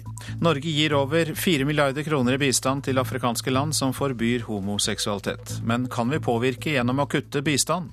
Forskere er i tvil. Den fryktede ukrainske opprørspolitistyrken Berkut er oppløst av den midlertidige regjeringen. Og USA forbereder full tilbaketrekning fra Afghanistan fordi landets president nekter å undertegne avtale om militært samarbeid. Ja, Norge gir over 4 milliarder kroner i bistand til afrikanske land som forbyr homoseksualitet. I går ble det kjent at regjeringen vurderer å kutte all økonomisk hjelp til myndighetene i Uganda, fordi landet har innført en lov som straffer homofili, homofil praksis med livsvarig fengsel. Men Norge gir i dag bistand til 31 andre afrikanske land der det er ulovlig å være homofil. Homosexuals are boys who think they are girls, and girls who think they are boys. Aktivister i Uganda feirer den nye loven som kan sende homofile i fengsel på livstid. Men Uganda er ikke alene om å ha strenge homolover. 38 afrikanske land forbyr mennesker av samme kjønn å ligge med hverandre. Norge gir altså bistand til 31 av dem, det viser tall fra Norad. Å leve ut sin homofile legning, det handler om eh, menneskerettigheter. og Derfor så eh, vil jeg nå at eh, vi skal se på dette og ha en gjennomgang. Det sier utenrikspolitisk talsmann i Fremskrittspartiet, Christian Norheim. Han vil at disse bistandskronene skal brukes annerledes, gjerne på frivillige organisasjoner, det er snakk om 4,2 milliarder kroner, viser de ferskeste tallene. Jeg mener at norske bistandskroner ikke skal gå til eh, regimer som da tillater den type lovgivning. Og Jeg syns det er helt naturlig at man også ser på eh, det som skjer i de andre landene da som har forbudt homofili. Og utenriksminister Børge Brende er enig. Det må reageres når et land innfører nye homolover, som Uganda nå har gjort. Men kanskje må vi vurdere støtten til flere land, sier han. Vi må nå for de andre land i Afrika som har en praktiserende lovgivning hvor homofile kan ende på livstid i fengsel, så må vi se på om vi er bedre tjent med å da gi til det sivile samfunn og til hjelpeorganisasjonene i de landene, i stedet for stat til stat. Det er en vurdering vi må foreta fortløpende. Og reportere her, det var Kristine Svendsen og Hans Jørgen Solli. Espen Villanger, god morgen til deg. God morgen. Du er seniorforsker ved Christian Michelsens institutt og jobbet mye med bistandspolitikk og påvirkning. Du er med oss fra Minde i Bergen. Ja, Er det en god idé å prøve å påvirke gjennom kutt i bistand? Nei, erfaringene viser at eh, å gå hardt ut og kutte i, eh, i bistanden eh, i et sånt betent spørsmål, det vil bare føre til enda mer steile fronter i saken og vil gjøre det vanskeligere for Norge å påvirke utviklingen i riktig retning. Hvordan kan man da påvirke? Eh, la meg si det først at dette er jo eh, Giverlandet har alltid ønsket å påvirke politiske spørsmål i, i mottakerlandet. Men dette er et gufs fra fortiden som vil bli oppfattet som et forsøk på å kjøpe seg eh, innflytelse i et eh, relativt viktig internt nasjonalt politisk verdispørsmål. Så Det ene er å kutte med en begrunnelse i noe, i noe annet enn det som bistanden er ment å, å oppnå, i dette tilfellet fattigdomsreduksjon og, og, og utvikling. Um, vi, i, i, denne typen spørsmål så, så, har det vist seg at det å jobbe langsiktig med myndighetene i partnerskap for å, å påvirke utviklingen i riktig retning, er den, den veien som, som, kan gi eh, resultater. Eh, men her må vi se på i, i tilfellet med Uganda, der de nettopp har innført en veldig streng lovgivning, så er kanskje ikke eh, homofilispørsmålet det vi skal fokusere på i Uganda. Hvis man er opptatt av de homofiles rettigheter, så kan det være andre afrikanske land der vi skal jobbe med dette akkurat for øyeblikket, der vi kan oppnå mer for de ressursene vi har på dette området. Hvilke land er det? Jeg er ikke det, eh, akkurat eh, homofilisaken og, og, det er ikke mitt, eh, mitt område. Men, men, den forskningen som er på bistand og det å oppnå uh, politiske målsettinger i, uh, i disse utviklingslandene, er veldig tydelig på at det å bruke Eh, strenge betingelser for å oppnå eh, politiske resultater er fullstendig feilslått. Verdensbanken prøvde mye med dette på, 80- og 90-tallet gjennom eh, sin bruk av kondisjonalitet, med å sette tydelige betingelser på makroøkonomisk stabilitet for mottakerlandet før de skulle få Verdensbanklån. Og de måtte skrinlegge hele den, den politikken, for det viste seg at det var stort sett umulig å påvirke disse landene i en annen retning enn det som, den, eh, det som deres egen politiske eh, målsettinger eh, Men, Ja, det forstår jeg. Men det å påvirke gjennom eh, bistand, altså påvirke politikk og holdninger, det er, karakteriserer du som et gufs fra fortida. Men det er jo mange som mener at den holdningen man har til homofili, er nettopp er et gufs fra fortida. Så er det ikke et sterkt behov i land som, eh, som står for en annen menneskerettighetspolitikk, å markere det tydelig overfor de land som ikke gjør det? Jo, og der, der, må vi være tydelige på hva vi mener er, er det, det, som er riktig. Det som er et gufs fra fortiden og det som er feilslått, det er å knytte det opp til bistand. Altså at vi, vi vil trekke oss ut av land hvis ikke de gjør sånn og sånn på menneskerettighetsspørsmålet. Og Det, er det som er feilslått. Vi skal være tydelige, men vi skal ikke prøve å bruke pengene våre til å kjøpe oss innflytelse i land. Og Hvis vi skal reallokere bistand, så må vi se på hva som er målsettingen. Hvis det er fattigdomsreduksjon, så bør vi gi mer penger til de landene der det er større muligheter å oppnå fattigdomsreduksjon. Hvis det er for å å bedre menneskerettighetene, så må vi se på i hva land er det mulig å, å, å ha innflytelse på det spørsmålet. Og så må vi allokere pengene ut ifra det. Eh, og Der, og der syns jeg at eh, det som går på eh, vi, vi, har, vi kan lære mye fra, fra likestillingspolitikken. Det, det, er riktig som, som, det ble sagt her, at du kan oppnå mye gjennom å, å gå gjennom frivillige organisasjoner.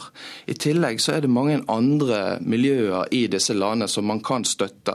Eh, du kan gå gjennom eh, universitetene, mm. du kan gå gjennom skolesystemet, du kan gå gjennom andre kanaler uten å nødvendigvis måtte, måtte stille betingelser for pengebruken. Takk skal du ha for de eh, rådene der, Espen Villanger, som er seniorforsker ved Christian Michelsens eh, institutt. Det kan bli en økning av antall homofile asylsøkere fra Uganda, mener FrPs justispolitiske talsmann Jan Arild Ellingsen. Årsaken er nemlig det at Norge kutter bistanden til Uganda etter at det ble innført eh, livstidsstraff for homofile. Jeg tror det er naivt å ikke tro det, i hvert fall. Sier Jan Arild Ellingsen, når vi nå kutter bistand til Uganda og gir en klar beskjed om at vi ikke aksepterer det som gjøres av myndighetene der, så vil jo jeg gå ut ifra at folk fra Uganda er ikke noe mindre smarte enn andre. Og Hvis de ser at det åpner seg dør i en av verdens rikeste land til å søke asyl ved å bruke en, påstand, en mulig påstand om, eh, om, seksuell legning og homofili, så vil jo de kunne komme til å utnytte den muligheten. Så å ikke ta høyde for det, det er å være naiv, og det skal man ikke være. I fjor søkte drøyt 70 personer om asyl i Norge på grunnlag av seksuell legning. Nesten alle kom fra Afrika, og flest fra Uganda og Nigeria. Utlendingsdirektoratet avviser ikke muligheten for at det nå kan komme flere fra Uganda. Det er veldig vanskelig å si. Det er vanskelig å si hva som påvirker asylsøkere til å komme til Norge. Sier Tone Loge Tveter, som er fungerende avdelingsdirektør i asylavdelingen. Men det som er sikkert er at dersom loven blir praktisert strengt, så vil jo flere ha behov for beskyttelse, og da vil vel antakeligvis flere også komme til Norge, vil jeg tro. Ellingsen understreker altså at han støtter regjeringens bistandskutt. Nå vil han at saken tas opp i forhandlingene mellom regjeringspartiene, KrF og Venstre om asyl- og innvandringspolitikken. Hvis man ikke gjør det, så kommer jo det her til å være et nytt problem som dukker opp rett etter at avtalen er ferdigforhandla. I dag får asylsøkere fra Uganda som blir trodd på at de er homofile, opphold i Norge. Ellingsen vil foreløpig ikke mene noe om hvorvidt det bør strammes inn på homofiles mulighet til å få beskyttelse. Jeg kan ha mening om det, men, men, nå skal jeg være såpass ryddig at jeg skal la de eh, få lov å forhandle seg ferdig, legge fram resultatet, og da skal jeg si hva jeg syns om den avtalen som foreligger, ikke i dag. Situasjonen for homofile og mennesker som har byttet religion, er tema i de pågående forhandlingene, sier Kjell Ingolf Ropstad fra KrF. Han støtter også den norske reaksjonen. Det er riktig at Norge følger opp menneskerettighetene, viser til Uganda at dette er ikke akseptabelt. Og dersom det betyr at det er flere homofile og lesbiske i Uganda som ønsker da å søke asyl på bakgrunn av det lovverket som kommer i Uganda, så mener jeg det er en billig pris å betale for å stå opp for menneskerettighetene. Norge som et rikt land må ta imot mennesker på flukt, sier han. Og Det betyr jo at de forhandlingene som er på gang i Nydalen nå, må ta høyde for at lovverk lovverket skal innrettes på en måte som gjør at vi kan hjelpe mennesker, og uavhengig av situasjonen som er i Uganda nå. Reportere her, det var Katrin Hellesnes og eh, Siv Sandvik. Ukraina står på dagsorden når forsvarsministrene i Nato møtes i Brussel de neste to dagene. Nato har fulgt nøye med på de siste to ukers uro i Ukraina, sier europakorrespondent Åse-Marit Befring. Ja, I Nato så ønsker de å få et så godt eh, overblikk som mulig over situasjonen. Nato har tett dialog med russerne. De ønsker også tett dialog med Ukraina. Eh, og det var Ukrainas viseforsvarsminister, eller den sittende regjeringen, som eh, eh, tok kontakt med Nato. Viseforsvarsministeren kommer hit eh, for å orientere om situasjonen. Dette var et møte som kom i stand så sent som for et par dager siden. Men det at Nato nå har ryddet plass, det betyr at de mener at dette her er veldig viktig. Det betyr likevel ikke at det er aktuelt med noen militær innblanding fra Natos side. Dette er en sak som løse, må løses politisk, mener de. Hvordan er Natos samarbeid med Ukraina? Ukraina er jo ikke med i Nato, eh, og det er heller ingen planer om at landet noen gang skal bli det.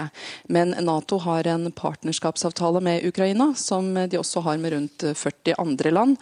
blant Bl.a. et annet av landene som grenser mot Russland, nemlig Finland. Eh, dette betyr at Ukraina er med på ulike militære operasjoner eh, både i Afghanistan, på fregatter utenfor Somalias kyst. Eh, og så har de også vært i Kosovo, så Ukraina har vært veldig aktiv. Men nå er det Ukraina selv som er tema, når viseforsvarsminister Aleksandr Olinik kommer hit til Nato. Det forteller Nato-ambassadør Vegard Ellefsen. Eh, det er klart at Ut fra den dramatiske situasjonen som har vært i Ukraina, og at de har bedt om et møte med, med Nato, så går jeg ut fra at de vil redegjøre for hva myndighetene der nå vil gjøre i tiden fremover. Og høre hva, hvilke meldinger de får fra Nato-allierte om den situasjonen. Uoversiktlig, kaotisk, usikkert, dramatisk. Adjektivene er mange for å beskrive tilstanden i det østeuropeiske landet. For bare noen dager siden var ikke Ukraina et tema på Nato-møtet, men nå har forsvarsalliansen ryddet plass til han som er den øverste sjefen for forsvarsdepartementet i Ukraina per i dag. Nato vil ikke blande seg inn militært, og ønsker heller ikke et splittet Ukraina. Vi respekterer Ukrainas territorielle integritet sånn som det er nå. Og vi går ut fra at det er også opplegget videre. Også russerne har sagt at de ikke vil intervenere militært, og selv om Nato har en partnerskapsavtale med Ukraina, er det å beholde et godt forhold til Russland enda viktigere. Ja, Det er viktig nå, og det har vært viktig hele tiden å ha et tett samarbeid med Russland. Og Vi er glad for at det samarbeidet fungerer godt på det praktiske området, og vi ønsker å fortsette med det. Den fryktede ukrainske opprørsstyrken Berkut er oppløst av den midlertidige regjeringen. Styrken lå under Innenriksdepartementet, og demonstrantene har gitt den skylden for de fleste av dødsfallene under uroen i Kiev i forrige uke. I Bangkok ble det skutt mot eh, flere plasser der det har vært demonstrasjoner i byen. Politiet sier skytingen pågikk en times tid utenfor shoppingsenteret og luksushoteller tre steder i byen, men ingen mennesker skal ha blitt skadd i skytingen. Det er uklart hvem som sto bak dette. USAs president Barack Obama ba i går Forsvaret om å forberede full tilbaketrekking fra Afghanistan innen utgangen av året. Grunnen er at Afghanistans president fortsatt nekter å undertegne avtalen om militært samarbeid etter 2014. President Obama skal i går ha fortalt sin afghanske kollega Hamid Karzai på telefon at han nå planlegger å trekke ut samtlige amerikanske soldater før nyttår. Men Afghanistans president fikk også beskjed om at USA ikke utelukker en avtale om militært nærvær etter 2014 dersom den nye administrasjonen i Kabul ønsker det. I april er det presidentvalg, og Karzai står ikke på gjenvalg. Den bilaterale avtalen om sikkerhetssamarbeid, forkortet BSA, var egentlig ferdigforhandlet i november. Den er godkjent av både det afghanske storrådet, Loya Jirgan, og av parlamentet. Men det er presidenten selv som har stukket kjepper i hjulene. Først med tilleggskrav, så med beskjed om at han ikke ville underskrive før valget. Det har vært spekulert mye om hvorfor, men det mest sannsynlige er at han har håpet på et gjennombrudd i hemmelige, direkte kontakter med Taliban for å få til en fredsavtale. Det virker nå ikke særlig realistisk. Amerikanske politikere har på sin side både lokket og truet uten hell. Selv om det er upopulært både i folket og blant folkevalgte å bruke penger på Afghanistan, så er det av flere grunner viktig for administrasjonen å ikke slippe kontrollen helt. For det første er Afghanistan svært viktig som base for dronene, eller de førerløse flyene som brukes mot terroristmål i nabolandet Pakistan. USA har i dag ingen dronebaser inne i Pakistan. For det andre skal det lite til før Al Qaida-lojale grupper med base i Pakistan tar kontroll over de sørlige og østlige delene av Afghanistan, og det var jo nettopp for å bekjempe Al Qaida at USA startet krigen i Afghanistan. USAs forsvarsdepartement mener det er behov for rundt 10 000 soldater der i årene framover for å løse oppgavene med å trene og bistå den afghanske hæren. Afghanistans forsvar er svakt, uten eget flyvåpen og helt avhengig av de fire milliarder dollarene som USA og andre Nato-land har lovet å bidra med hvert år fram til 2024. Uten sikkerhetsavtale blir også store deler av denne hjelpen kuttet. Gro Holm, Washington.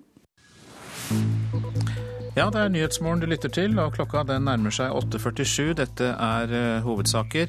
Norge gir over 4 milliarder kroner i bistand til afrikanske land som forbyr homoseksualitet. Men å kutte i bistand for å oppnå politiske endringer har sjelden noen virkning. Ja, det sa forsker Espen Villanger her i Nyhetsmorgen.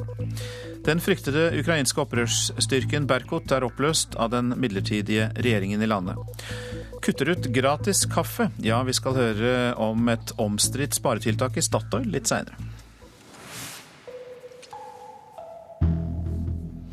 Nå til norsk politikk. Venstre og Kristelig Folkeparti vil ikke love å stemme for at oljefondet skal trekke seg ut av kullkraftselskaper før de er blitt enige med regjeringen. Det er nå flertall for å trekke oljefondet ut av kull, bare regjeringspartiene er imot. Senterpartiets nestleder Trygve Slagsvold Vedum ba i Politisk kvarter om at Venstre og KrF stemmer med flertallet i denne saken.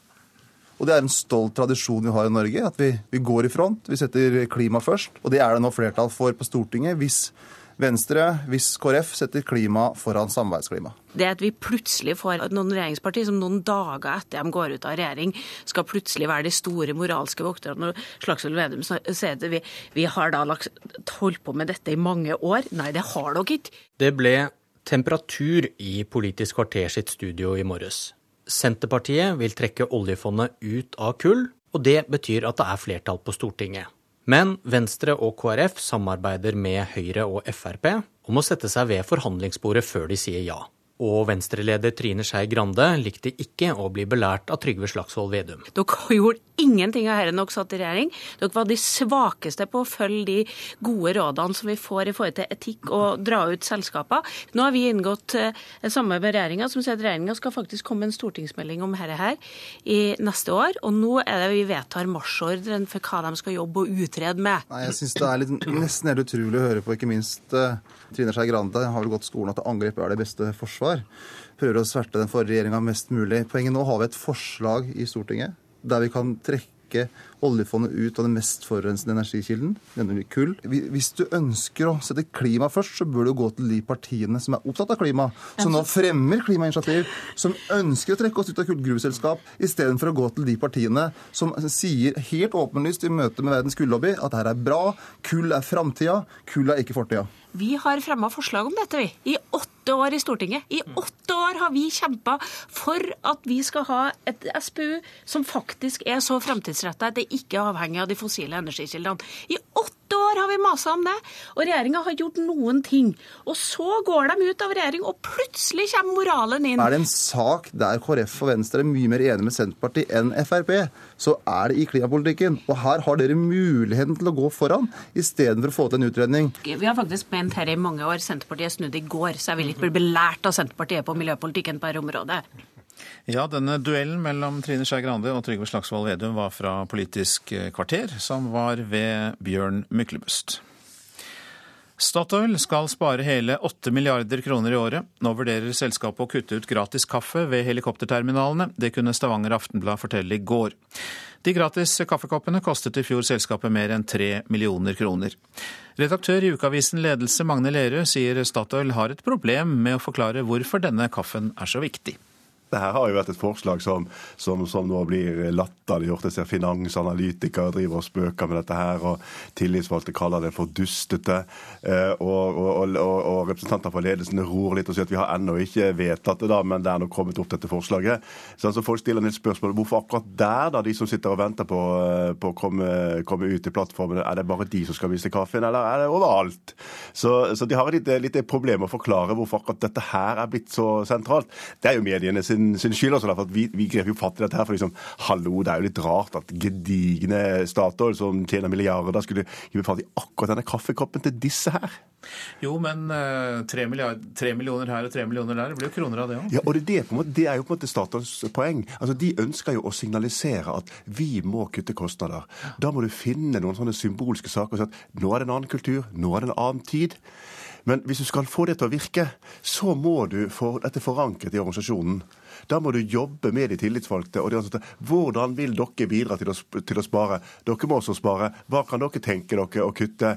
Da, da kunne jo hende at det hadde kommet opp. liksom, OK, dette er det minste dårlige forslaget, men vi, godtar det liksom for at vi har råd til en kopp kaffe når vi sitter og venter. Altså, Da hadde dette fått en helt annen karakter. Nå virker det som noen toppstyrt greie som, som, som blir latterliggjort. Eh, og, og så utløser det faktisk en del protester internt, altså. Men du som da sitter som redaktør i ukeavisen Ledelse og skuer utover det norske landskapet, hvor vanlig er det at denne kaffen er hellig på arbeidsplassen og gratis? Jeg tror det har blitt mer vanlig etter hvert. Det er mange som har gratis kaffe. Men det er ikke alle, er ikke alle steder.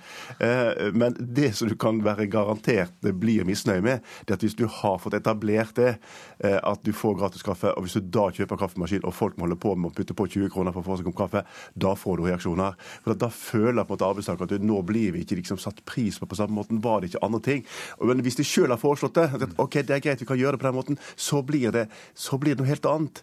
Så det, det, altså En nøkkel for sånne innstramninger når du skal sånn, og, og, og drive litt sånn symbolpolitikk, som jeg tror eh, Statoil ønsker her, det er at du må kjøre ned prosesser. Hvis ikke så får du det de ansatte sier.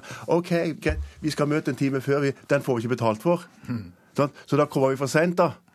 For de, de, de, slår, de slår revers, altså, sånn som denne saken er kommet ut. Men det kan jo hende at de greier å få dette på sporet igjen. altså. Det er mye forskjellig. Ansatte, få de på laget. Da, Hvis du skal spare penger, da går det bedre. Ingen andre fylker i landet har så stor andel eh, fastleger med innvandrerbakgrunn som Hedmark. I 2012 hadde hver tredje fastlege innvandrerbakgrunn i dette fylket. Iranske Masud Sayar vil heller jobbe i Glåmdalsdistriktet enn på vestkanten i Oslo. Eh, du får mer ut for innsatsen din her, føler jeg. for bedre helsearbeidet enn der, for der er det allerede bra. Og de har god helse- og sosiale forhold. Her er det jo oftest sliter vi med overvekt, diabetes, muskel- og skjelettplager, fibromyalgi og alt det greiene. Det er mye mer å gjøre her, da. Midtbyen legesenter i Kongsvinger består av paret Masud Sayar fra Iran og Iris Marianne Aul fra Tyskland. De to traff hverandre på sykehuset i Hammerfest og har siden jobba i flere kommuner. For elleve år siden hadde Sayar valget mellom Kongsvinger og Bekkelaget i Oslo da paret venta sitt første barn. De tok hensyn til både oppvekstvilkår og økonomi da valget falt på Hedmarkskommunen. Altså, jeg vil være hvor jeg trengs mest. ikke sant? Det er jo sånn jeg tenker, da. Så grunnen til at jeg er i Norge, det er jo fordi Norge trenger leger. Hadde ikke Norge trengt leger, så hadde jeg ikke vært her. Så hadde jeg vært kanskje i Danmark, hvis Danmark altså jeg, jeg er internasjonal, kan du si, da. Mens hver femte fastlege i landet er innvandrer, så er hver tredje i Hedmark det, ifølge tall fra Statistisk sentralbyrå. I Oppland hver fjerde. I enkelte kommuner, som Eidskog, er fire av fem fastleger innvandrer. Det å ha så mange leger med innvandrerbakgrunn har flere sider, sier fylkeslege Trond Lutnes i Hedmark.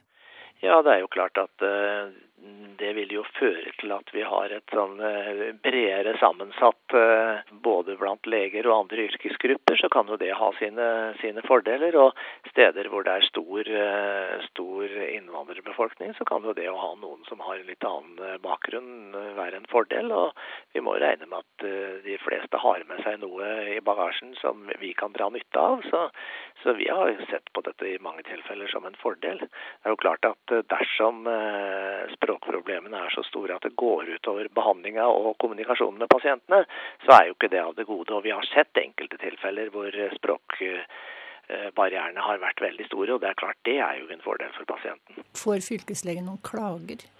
Vi har jo klager på fastleger av alle typer, og i noen av klagene så ser vi at dette med språkproblemer noen gang har hatt betydning for kommunikasjonen mellom pasient og lege. men og vi ser at noen leger også har noen problemer med å uttrykke seg skriftlig og forklare seg skriftlig.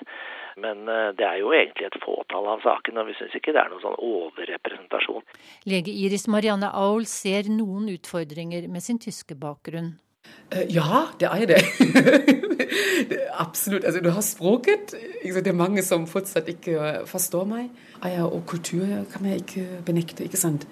Men vi har jo også fordeler. ikke sant? Fordi jeg tenker, altså, i, det, i det vi lever litt sånn uh, ved siden av samfunnet, vi òg, så, så, så, får vi kanskje bedre empati for mange av våre pasienter som kommer om og om igjen, ikke sant? som uh, ikke har det så lett. Reporter her, det var Vera Wold. Skiskytter Ole Einar Bjørndalen er kåret til Sotsji-OLs beste mannlige utøver av journalister fra 20 land. Det skriver Dagsavisen. Bjørndalen tok gull på sprinten og i blandet stafett under årets olympiske vinterleker. Langrennsløper Marit Bjørgen ble kåret til den tredje beste av de kvinnelige utøverne i årets OL. Orkla reagerer på at seigmann står oppført som substantiv i bokmålsordboka. I et brev til Universitetet i Oslo viser konsernet til varemerkeloven og ber om at ordet fjernes, dette for å beskytte varemerket, skriver Universitas. Universitetet i Oslo har ennå ikke tatt stilling til problemet, men viser til at ordet er brukt før det ble et varemerke på 1960-tallet. Vi får suge litt på den mens vi lytter til hvordan været blir fram til midnatt. Fjellet i Sør-Norge, liten kuling utsatte steder. I nord stiv kuling, perioder med snø, stort sett oppholdsvær i nord. Østlandet regn, snø i indre og høyereliggende områder, lettere vær i kveld. Telemark og Agder regn, snø i høyereliggende strøk, avtagende nedbør fra i ettermiddag. Vestlandet sør for Stad, sørøst liten kuling utsatte steder, stiv kuling på kysten nord for Obrestad. Regnbyger, snøbyger i høyereliggende strøk. Møre og Romsdal utrygt for enkelte regnbyger på kysten, ellers oppholdsvær og til dels pent vær. Trøndelag sørøst liten kuling på kysten og utsatte steder, minkende til kvelden. I grensetraktene utrygt for enkelte regnbyger, snøbyger i høyereliggende strøk i Trøndelag, ellers stort sett pent vær. Nordland sørøstlig periodevis stiv kuling utsatte steder, stort sett opphold og perioder med sol. Troms får stiv kuling øst for Lyngsalpan, oppholdsvær og perioder med sol. Finnmark vestlig liten kuling utsatte steder. I kveld sørøstlig stiv kuling utsatte steder i Vest-Finnmark. Og det blir oppholdsvær. Så går vi til Nordensjøland på Spitsbergen. Fra i ettermiddag perioder med liten kuling, litt snø, vesentlig da i vest. Og vi går til temperaturene. Disse ble målt klokka sju. Svalbard lufthavn minus to, Kirkenes minus én. Vardø pluss to, Alta og Tromsø-Langnes null grader. Bodø og Brønnøysund seks. Trondheim-Værnes sju. Molde og Bergen-Flesland åtte grader. Stavanger sju. Kristiansand-Kjevik fire. Gardermoen og Lillehammer én grad. Røros null grader. Oslo-Blindern én grad. Og dette var altså temperaturene som ble målt klokka sju. Ansvarlig for eh, radionyhetene på morgenen, det var Gro Arneberg. Prosent for Nyhetsmorgen, Vidar Eidhammer. Teknisk ansvarlig Marianne Myrhol. Og eh, programleder Øystein Heggen.